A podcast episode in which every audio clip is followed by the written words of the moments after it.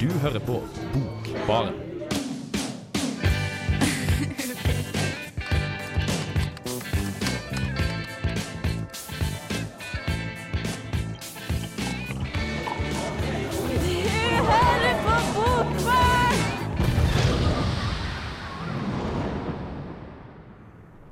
Hei og velkommen til ukas utgave av Bokbarn.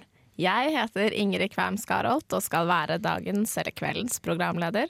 Og med meg i studio så har jeg en gammel traver, blant annet Martin Ingebrigtsen. Traver. Traver, traver, traver. og så Jeg er mer en sluntrer, egentlig. en sluntrer, nei da, men en traver syns vi du er. Okay, okay. Uh, og, og Maren, da, som uh, dere har hørt litt mer i det siste. Yes, ikke en traver, men gammel. En gammel Galopper. Ja, mer det. Snakker mye fort. mye fort. Uh, vi har en spennende sending som alltid foran oss, med litt av hvert. Hva er det du har med i dag, Maren? Jeg har med Furuset av Linn Strømsborg. Oi! Furuset er nesten der hvor jeg kommer fra, og teknikeren vår i dag kommer visstnok fra Hildegunn kommer visstnok fra Furuset, så det er ganske spennende. Ja, jeg føler sånn sett at hun egentlig burde tatt over showet, for jeg kommer nemlig ikke derfra. Jeg kommer fra Bærum. Men jeg kjente meg veldig igjen i mange av beskrivelsene likevel, så kanskje det ikke er så dumt. Nei, kanskje det ikke er så dumt. Kanskje man kan uttale seg om det litt likevel. Ja, det Mm. og Martin, da, hva er det du har med? Jo, nå skal du høre. Jeg har med en bok som har den eh, så ekstremt spennende tittelen 'Himmelens kamelføll'. Oi! Så tygg litt på den. eh, som er da Gunnar Werne sine gjendiktninger av omtrent 100 år gamle dikt, som ble skrevet av eh, ei dame som heter Jelena Guro. eh, Oi.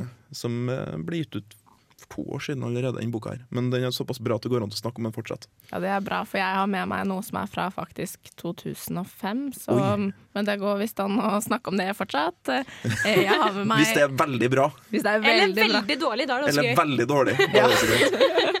da er det lov. Men jeg, de som hørte på forrige uke, de hørte litt om Tromsø poesifestival og Morten Søndergaard som hadde en utstilling der. Og det er han jeg har tatt med meg i dag. Det er en diktsamling av han som heter 'Et skritt i den riktige retning'. Er det han dansken, da? Det er en danske. Er dansken. Dansken, ja. Uh, og vi får se om det er et skritt i den riktige retning eller i feil retning, eller hva det er. Men det, det kommer, eh, kommer etter hvert. Um, men nå skal vi høre på um, And the Birds med, fra Light Heat. Da. Så snakkes vi igjen og med mye forskjellig, annet Martin, da, som kommer først etterpå.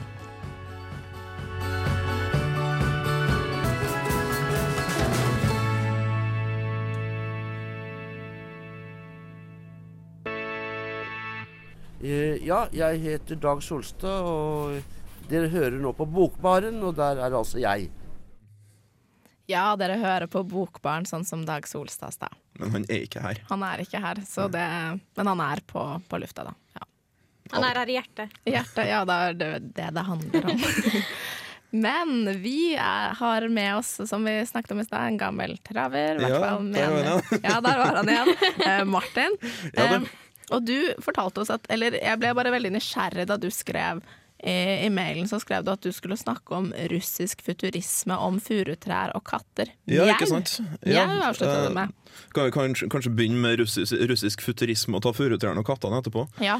Uh, det her er jo en sånn ganske spesiell periode i jeg vil si, global litteraturhistorie. Sånn begynnelsen av 1900-tallet frem mot første verdenskrig i Russland.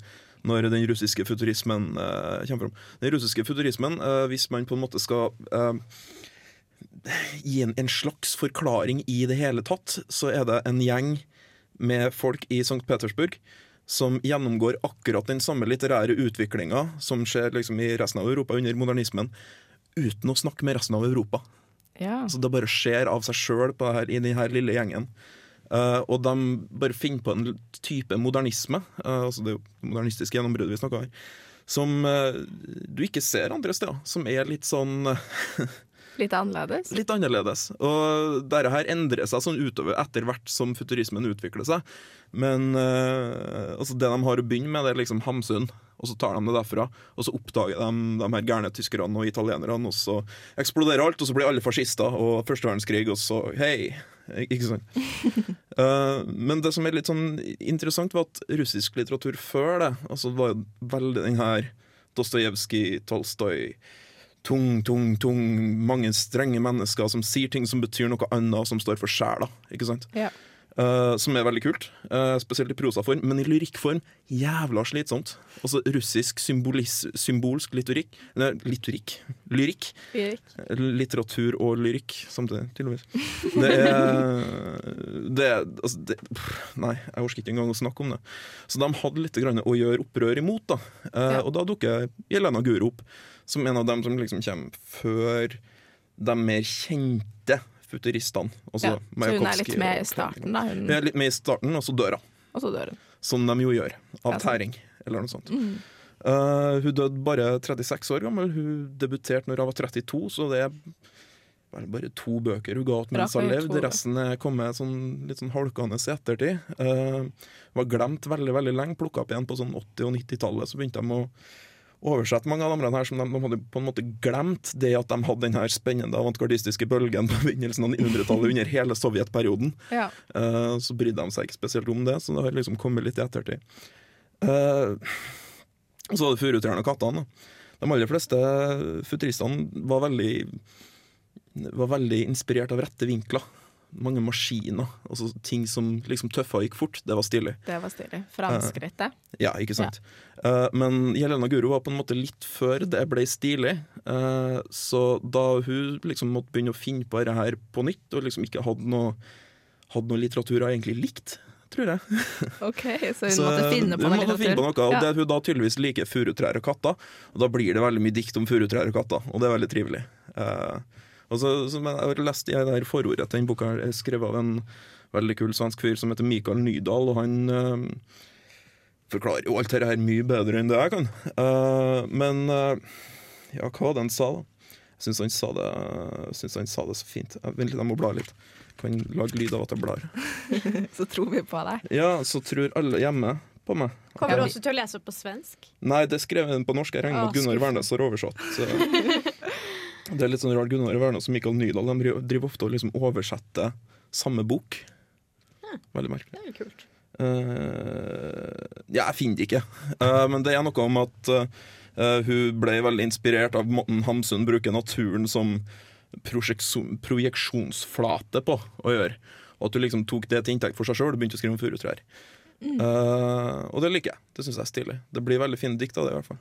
Det høres veldig stilig ut. Jeg gleder meg veldig til å høre saken din, altså. Det Høre litt om furutrær og katter og det som er. Men uh, før det så skal vi høre Alfred Hall sin sang 'Lose That Gun'.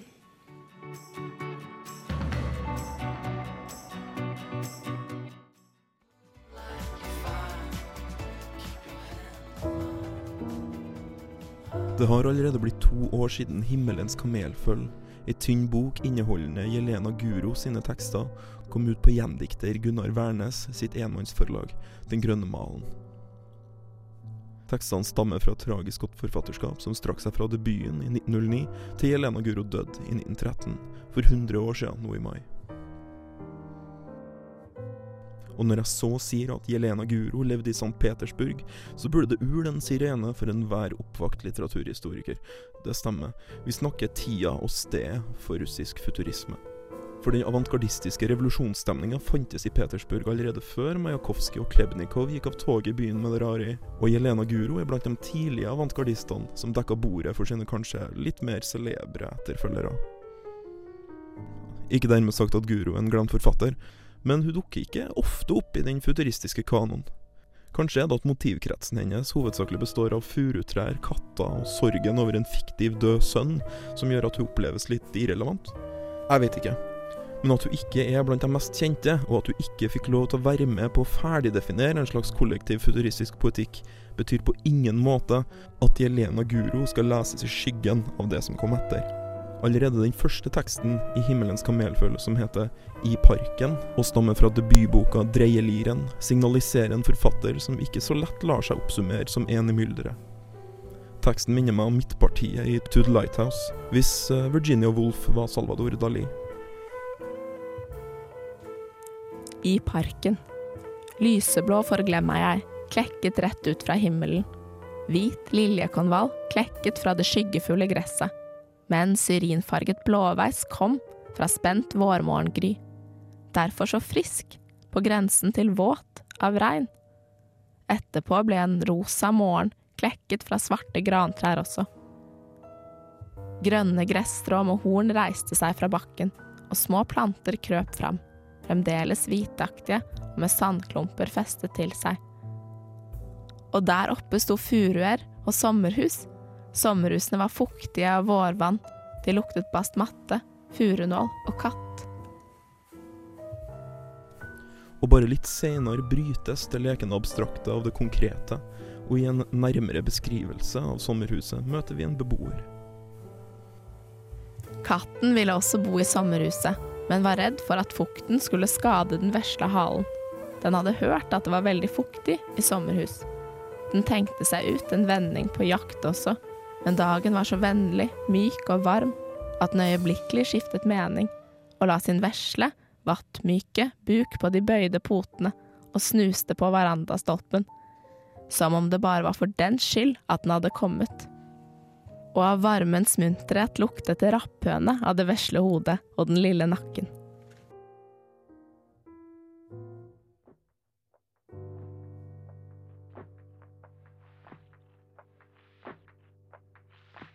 Denne katta blir liksom hjertet av denne teksten, som til slutt beskriver den uendelige, fantastiske syklusen til en slags litteraturens Edens hage.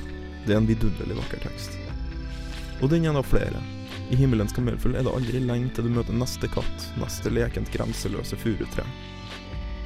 Gunnar Wærnes videreformidler en dikter som manifesterer store spenn av menneskelig erfaring.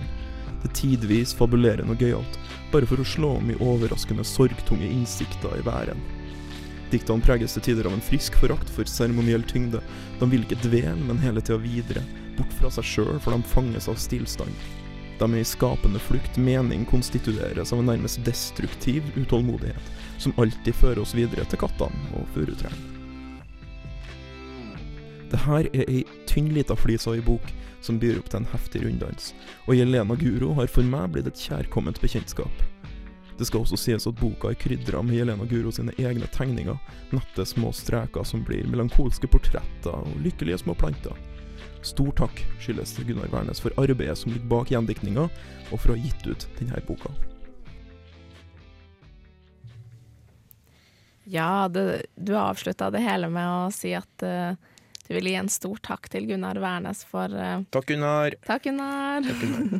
Eh, og det, det sa du til meg i stad, at du har lest mange av han, hans oversettelser. Det er Jeg har gjort det. Jeg er litt sånn svoren tilhenger av Gunnar Wærnes både som dikter og som gjendikter, eh, fordi han er veldig flink til det.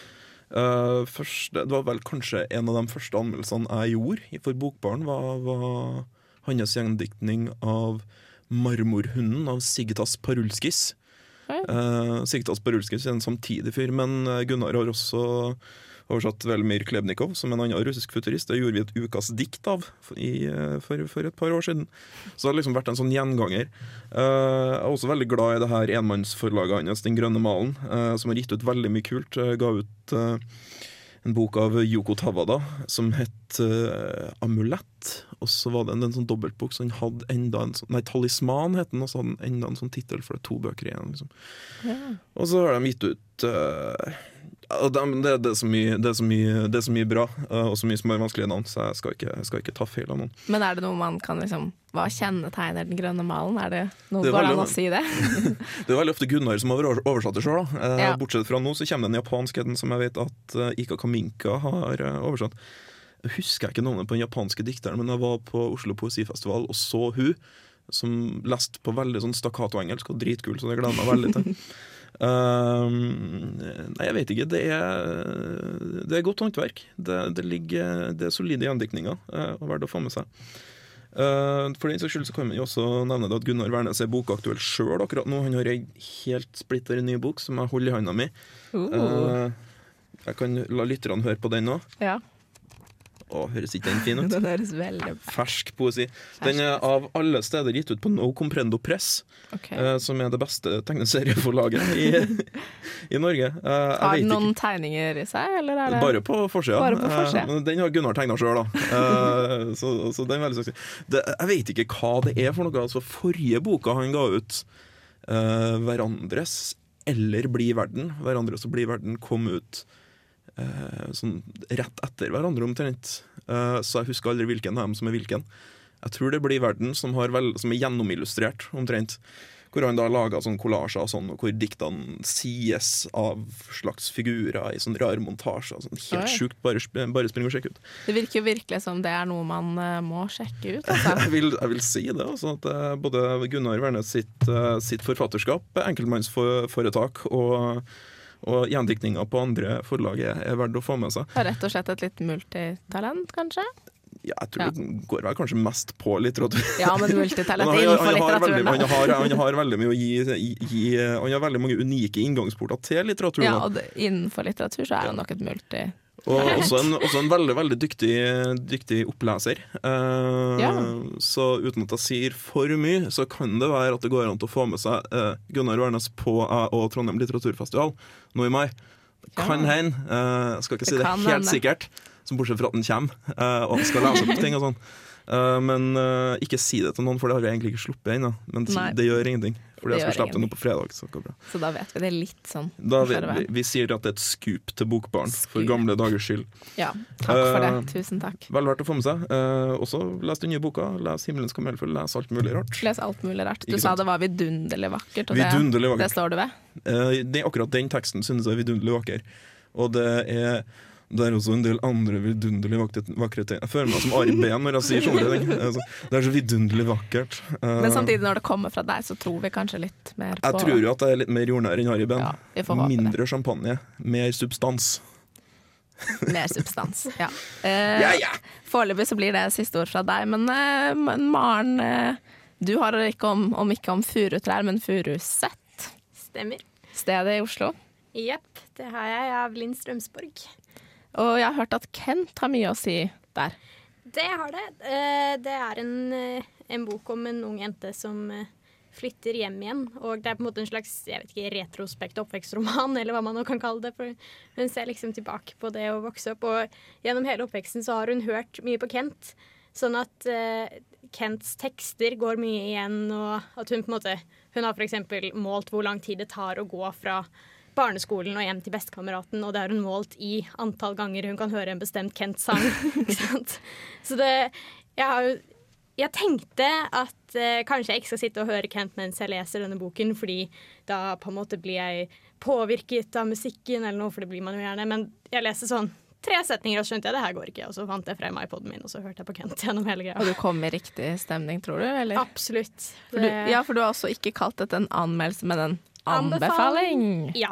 Eh, jeg har på en måte alltid vært veldig veldig, veldig fan av Linn Strømsborg. eh, og jeg har lest bloggen hennes Hei. Eh, så lenge jeg kan huske, eller så lenge hun har blogget, vil jeg regne med. Eh, og lest Roskilde og lest Øya og på en måte forguder hele jenta. Så jeg følte at det ville blitt litt sånn Å komme her og hevde at jeg var upartisk, ville kanskje ikke funke så bra. Så jeg tenkte jo heller være ærlig og bare kalle det en anbefaling. Jeg, For jeg, Bra. jeg syns jo at den er fantastisk. Lenge leve ærligheten. Nemlig. Ja, men eh, vi skal høre på den, vi. Men før det så skal vi høre på eh, Skal Shaky Grace Nei, Graves ha Calendar Girl. I love, I love, I love my calendar girl. Each and every day of the year.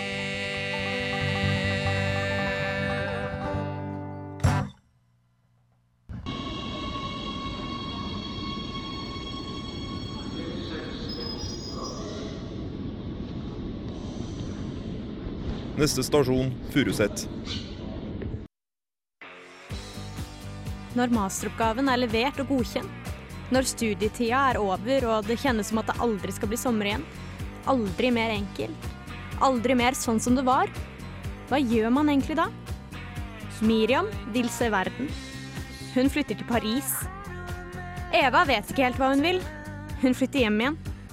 Hjem til Furuset. Furuset med benken og barneskolen, mamma og pappa og alle vennene som bor der fremdeles. Hun skulle ikke bli som dem. Hun skulle gjøre noe mer enn å bare bli på Furuset. Men nå er hun her. Det begynner i magen igjen med det samme jeg er hjemme, og alene på det gamle rommet. Følelsen av at tida har stått stille. At jeg er den samme som jeg var da jeg var 11 og 15 og 24. Jeg ligger på senga, men reiser meg opp og går litt rundt på gulvet. Titter ut av vinduet og trekker for gardina, så jeg ikke ser vinduene på den andre siden. Alle lysene fra kjøkken, soverom, barnerom. Jeg åpner skapet og slenger inn bagen. Lukker det igjen. Jeg hører mamma og pappa snakke i stua. Lydene er så kjente, og rommet så lite, at hele meg fylles av ingenting. Og den følelsen du har av at alle andre opplever noe utenom deg, at alle andre har begynt livene sine på ordentlig, gå på de festene du bare ser på film. Ser de gutta du ikke tør å si hei til i skolegården. De går og legger seg med et smil om munnen, mens du ligger våken og skriver i dagboka di om alt som ikke skjer. Eva tar opp igjen kontakten med den gamle vennegjengen, sin gamle lærer, sitt gamle liv. Med et vakkert språk forteller hun om hvordan det var å vokse opp i den drabantbyen som mediene elsker å hate. Hun tenker at det kanskje ikke er så farlig hvor man vokser opp. Det viktige er hvem man har rundt seg. Og Eva, Eva har verdens beste venner. Det er fint, for ellers kunne nok boken blitt litt vel tung. Men det er mye varme i Furuset, og mange fine vennskap. Strømsborgs fantastiske bruk av detaljer gir Evas betraktninger et voldsomt overskudd og driv. Hun tusler langs blokkene på Furuset og forsøker å forestille seg hva som foregår inne i dem. Hva slags liv naboene lever, hva de drømmer om og frykter. Om de tenker og føler sånn som henne, eller kanskje helt annerledes. Forskjellige små fliker av livshistorier vikles inn i hverandre og bindes sammen av Evas tanker og et stadig skifte av fortellerposisjoner. Observasjoner som virker uviktige først, kan vise seg å være viktige om man ser etter en gang til. Furuset, som for Eva jo egentlig skulle være et dødt sted, en ferdig utspilt fortid, yrer av liv. En bok som handler om ensomhet og stillstand, kan fort bli kjedelig. Det blir imidlertid aldri Furuset. Boken er full av handling, og nok av det kaliberet som det skrives mer dramatiske romaner om. Her er hendelsene dysset ned. De er en naturlig del av livet og trenger ikke å spilles ut med tusen utropstegn. Det er som om snøen på Furuset, snøen som aldri vil smelte, har lagt seg over selve handlingen, dempet den og gjort den myk. Dette gir en spesiell stemning som sitter i fra første til siste side. Furuset er en glimrende roman om å sette livet på vent, enda du ikke helt vet hva du venter på. Om tilhørighet til en familie, et sted, en vennegjeng eller et band. Om å føle seg helt alene. Og så, nesten umerkelig, handler den om at det kommer til å gå bedre. Furuset er en nydelig bok som jeg unner absolutt alle å lese. Ja, hallo, ja. Du, Trondheims eh, vakre fjell og Nidelv ja, Det er Tore Renberg her. Dette er studentradioen i Trondheim. Og du er jævlig heldig som hører på den. Ja, du unner absolutt alle å lese Furuset-Maren. Det er virkelig en anbefaling. Jepp. Storsynt av meg, til og med mine fiender. Alle kan få lese den. Kjør på. Jeg tror Alle alle, vil få noe ut av den. Ja. Åh, jeg merka bare jeg hørte lyden av T-banen at jeg savner Så nå booker jeg på Furuset, men savner T-banen og savner liksom ja, men det er på en måte en følelse du får av hele boken. egentlig. Det er sånn, åh, wow, det savner jeg. For hun skriver liksom om på en måte når snøen begynner å smelte, og det er loppemarkeder og vafler oh. og på en måte sånn ting man husker så snart noen minner deg på dem, på en måte. Men Så du får alle lydene og luktene og følelsene inn i ja, av å lese. hun er uh, helt ram på skildringer, så det blir en uh, nostalgitripp. Men uh, Er det, er det dermed irrelevant for resten av Norge? Eh, altså Nå vet jo ikke jeg hvordan resten av Norge er, men hun avslutter faktisk hele romanen med at kanskje det, måte, det er helt likt overalt. Altså for eksempel, hun sammenligner Vi har ikke T-bane. Sant nok. uh, men jeg tror dere har barneskoler og venner og Nei, jeg har ikke det heller. OK. Uh, dette ble plutselig mye tristere enn jeg forutså. Uh, Jeg bare tuller, vi har barneskoler og Sånn. da. ja, godt å høre. Ja, men- Eh, Men det er noe med det å vende tilbake til der man egentlig kommer fra. Er det litt ja. Fra at hun har vært ute i den store verden, og så kommer hun Ja, nå har hun vel strengt tatt ikke dratt lenger enn til Bislett, hvor hun har på en måte aldri kommet seg ut av Oslo. Hun kom seg aldri Men ut av Oslo, nei. nå tror jeg at det er noe litt spesielt med å komme fra et lite sted rundt Oslo eller i Oslo. At på en måte Oslo er jo hovedstaden. Det vil jo nødvendigvis være den storbyen du på en måte eh, Som er mest nærliggende å flytte til, da, på en måte. Ja, ikke sant. Men eh, det er nok en ganske stor forskjell på å leve i Oslo sentrum og å leve på Furuset. Jeg kjenner at jeg i hvert fall vil synes at det er en forskjell i å flytte inn til eh, ja, Oslo sentrum, og så flytte tilbake igjen til Bærum, på en måte. For det Jeg bodde i Oslo sentrum, og det var veldig veldig slitsomt. Ja, ja det kan jeg tro på. Men, Men eh, eh, får man noe av den slitsomme følelsen i den boka her? Eh, ja, eller ikke av Furuset, for Furuset er jo veldig stille og rolig. Men hun eh, Av og til så drar de ut på byen, denne vennegjengen. Og da ser hun jo på sitt eh, gamle liv, altså der gamle er i anførselstegn i og med at på Furuset-liv er enda eldre. Men hun på en måte oppsøker Bislett igjen, og det er jo eh, stress, men samtidig litt hult. Fordi det, det har jo ikke gitt henne, eller det gir henne ikke lenger noen ting. Og derfor så blir det på en måte ikke den stressfaktoren så mye som en slags lengsel etter noe du ikke vet hva er, på et vis. Ja, jeg forstår. Eh, og du snakket nå om port for, fortellerposisjonen. Fordi hvem er det som egentlig forteller denne historien? Oh, det er flott. Det er flott. Det er nemlig eh, Eva, hovedpersonen, er eh, jeg forteller. eh, I store deler av boken, men av og til så flyttes perspektivet ut, og så blir det tredjepersonsforteller, og så fortelles det om Altså både om Eva, men også om andre i andre byer osv. Så, videre. Så da blir det litt mer generelt da, i andre byer også, så man kan oppleve mye av det Ja. samme. Så du får på en måte den følelsen av at uansett hvor du er, så er det folk som lever sine egne liv, og at på en måte Veldig stort og veldig lite og personlig samtidig. Det er et veldig fint og rart perspektiv, Ja, som jeg tror passer veldig bra til på en måte hodet til en jente som er litt utafor og forvirret, på en måte. Mm, Så det funker veldig bra. Men du får veldig det inntrykket av alle lever parallelle liv siden av hverandre og opplever egentlig mye av det samme, og kanskje er man er alle litt ensomme og burde egentlig Ja. snakke litt sånn sammen om at jeg har noe av de samme følelsene, på en måte.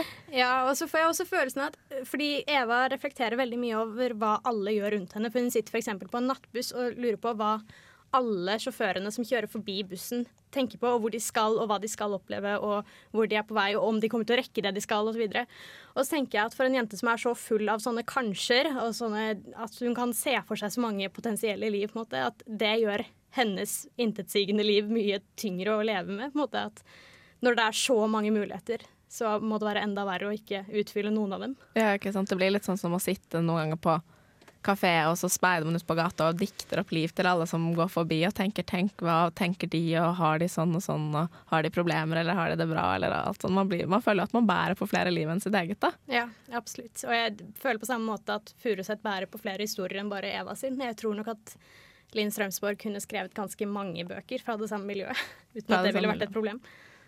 Men skiller denne boka seg mye fra de andre bøkene som du har lest, av Linn Strømsborg? Eh, Roskilde og Øya er jo eh, festivalbøker. Så der er det jo mye mer liv, på en måte. Em, men det samme språket er på en måte Det går jo igjen. Det fantastiske språket til Linn Strømsborg. Eh, Det er det som er styrken, den største styrken, syns du det? Språket? Ja, jeg syns nok det. Men eh, jeg syns også at hun klarer å si noe universelt om det å være ung, som også ofte kan bli litt påtatt hos andre, men ikke hos henne. Åh.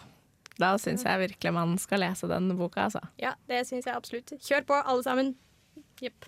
Men eh, vi skal også kjøre på med en eh, ny låt av, ikke overraskende, Kent Ingenting.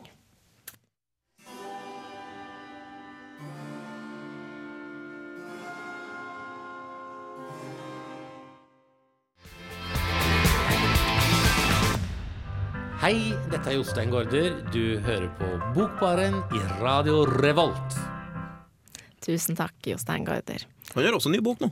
Ja, har han det? Hva er det den heter? Den heter? Anna, og så er det en miljøfabel. Det er om klimakrisen. Ja. Ja, så det, Jeg tror det er etter klimakrisen, når alt har gått til helvete. Så det, sånn, eh, det er sånn pekefinger fra Jostein Gaarder. Hvis dere ikke er forsiktig, så går alt til helvete! Det Men så sånn. kan du komme en sånn Men hva er egentlig helvete, og hvor er egentlig helvete? Jo, nå skal jeg fortelle deg det! det. Det syns jeg vi skal finne ut av, altså. det hadde vært litt spennende hvis du skal ta en sånn Dante-tur gjennom helvete og ha Jostein Gaarder i stedet for eh, Vergil. Eh, og her ser du da altså at de stikker han inn i magen med Kunne blitt koselig, da. Så jævla jovial, liksom. Jeg føler at det ville vært et hyggelig helvete å komme til. Kanskje man skal gjøre forferdelige ting for å havne der, da. Ja, han, altså, han er veldig lærer, han fyren der. Det er et eller annet med det. En sånn endeløs fascinasjon for alt. Flott. Fascinerende, altså. Men det tror også kanskje han kan lære oss noe om klimakrisen, hvis han er litt sånn Jeg Ja, tror han kan men lære oss noe om alt. Nå må vi slutte å snakke om Jostein Gaarder. Vi Ja, skal jo snakke om oh. Morten Søndegård. Ja, det skal vi gjøre, for det er jo min sak som uh, står for tur snart. Og det er uh, han som vi snakket om forrige gang, Ordapotekets uh, far, kan vi si. Å, kule mann. Kule mannen. Jeg ble jo veldig fascinert da når han lager et ordapotek. Ja, Hva er altså, det for noe? Det vet jeg hva er for noe. det var en utstilling med hvor han hadde laget det så akkurat ut som et vanlig apotek med pillebokser og esker, og så oppi Oppi hver så var det liksom en egen som var adjektiv, og en som var verb og substantiv. Og så var det en sånn beskrivelse, bivirkninger og forskjellig. Um, kan ikke brukes der og der, og det var veldig, veldig Artig, spennende. artig altså. kar. Artig kar. Men jeg leste da hans diktsamling som het 'Et skritt i den riktige retning'.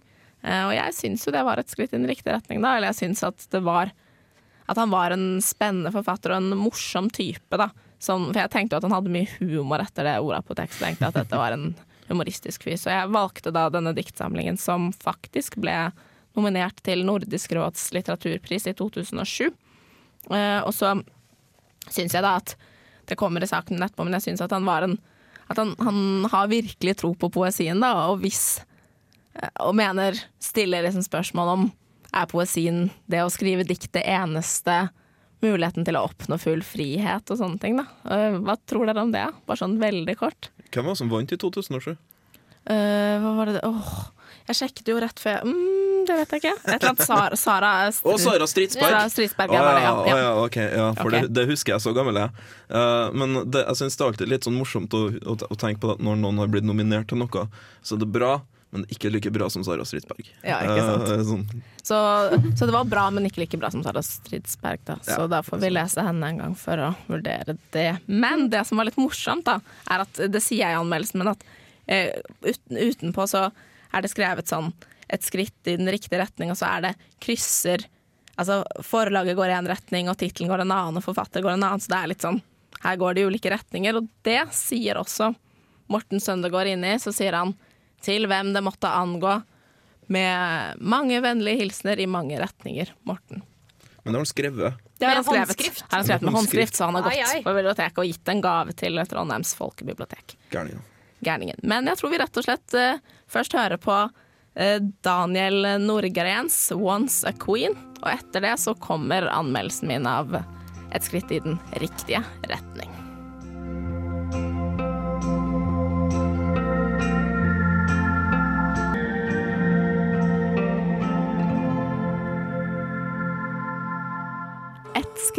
I den riktige retning. Store øyne mot et himmelblått bokomslag der tittel, forfatter og forlag går hver sin vei, men krysses, neppe tilfeldig, i ordet riktige. Morten Søndergaards diktsamling fra 2005 vil gjerne fortelle oss et og annet om det å gå. Her belyses viktigheten av å faktisk gå, å reise seg opp og ta en spasertur med livet for å kjenne dets gange. Litt kaotisk kan det nok bli, men Søndergaard gjør et forsøk på å samle trådene. Diktsamlingen er delt i fire lange og nokså ulike dikt. Det latinske ordet vademecum betyr 'gå med meg', og som verkets første del er det en fin tittel. For å få utbytte av, ja faktisk forstå noe, må en gå med Morten. Her introduseres vi for en enorm takknemlighet til gangen. Menneskehetens store framskritt, kulturelt, sosialt og vitenskapelig, er ofte et resultat av tanken på en utvidet horisont. Menneskelige relasjoner og utvikling også. Du går og venter på at vannet skal gå. Nå gikk du over streken. Ja, bare tenk. Et av de stolteste øyeblikkene i et menneskets liv. Nettopp å lære å gå. Andre og siste del har begge fått navn blogger, og er på sin måte et eksempel på vår tids offentlige dagbøker.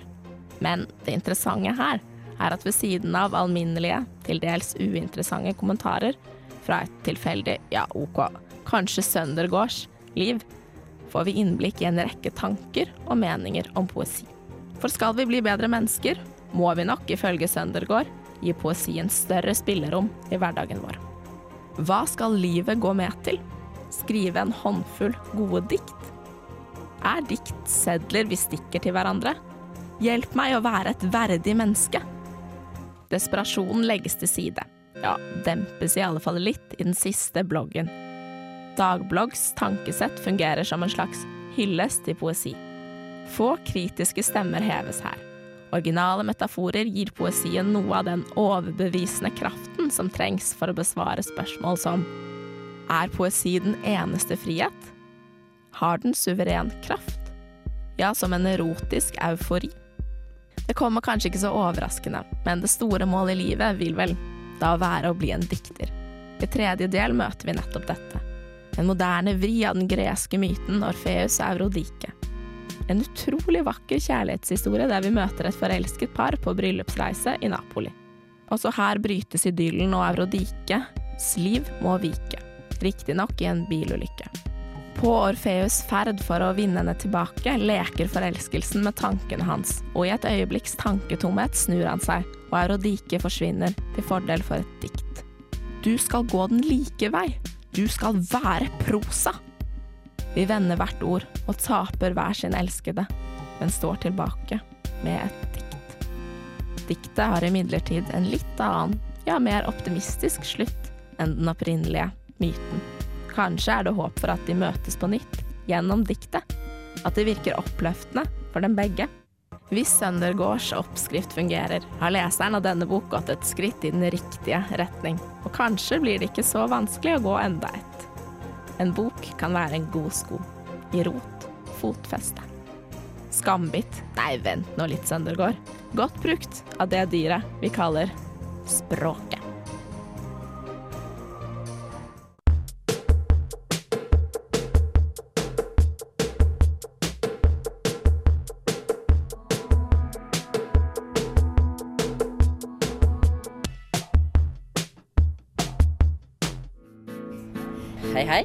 Dette er Vigdis Hjort. Jeg liker navnet på denne radiokanalen, Radio Revolt. Hør på magasinet Bokbarn. Det å sitte på bar og lese bok, det er ikke det verste. Ja, da hørte du akkurat uh, en latter. Det er så bra! Det er Vigdis Hjortjingeren. her, Det er så jævla bra. Det er, det er hyggelig med, med de forfatterne som hilser litt. Jeg synes det er morsomst at hun, hun høres ut som hun har glemt etternavnet sitt. Jeg heter Vigdis Hjort. Men det som også høres ut som vi har glemt, er at vi snart er ved veis ende ved denne sendinga her. Nei, det er et hav av tid. Hav av tid. Hele 50 sekunder. Ja, Hele 50 kjempe. Hold i massevis. Holder i massevis. Men uh, hvis vi sier superkort Dere får lov å si tre ord på hva dere har hatt. Martin? Uh, Jelena, det var én. Så Guro, det var to. Og kamelføll. Supert. Maren? Strømsborg, Furuset, perfekt. Og jeg sier bare poetisk lek gå. Eh, og så, eh, så skal vi si at det er viktig at dere laster oss ned på podkast, hører på oss på Stream on the Man og leser litt av hvert på dusken.no, eller informasjon og Det er ikke så veldig viktig, da. det er, ikke- jo, det Men er vi liker det veldig godt om de gjør det. Ja, det hadde vært utrolig hyggelig. Og vi, vi høres neste tirsdag, da. Det gjør vi. Ha det bra! Woo! Thank you.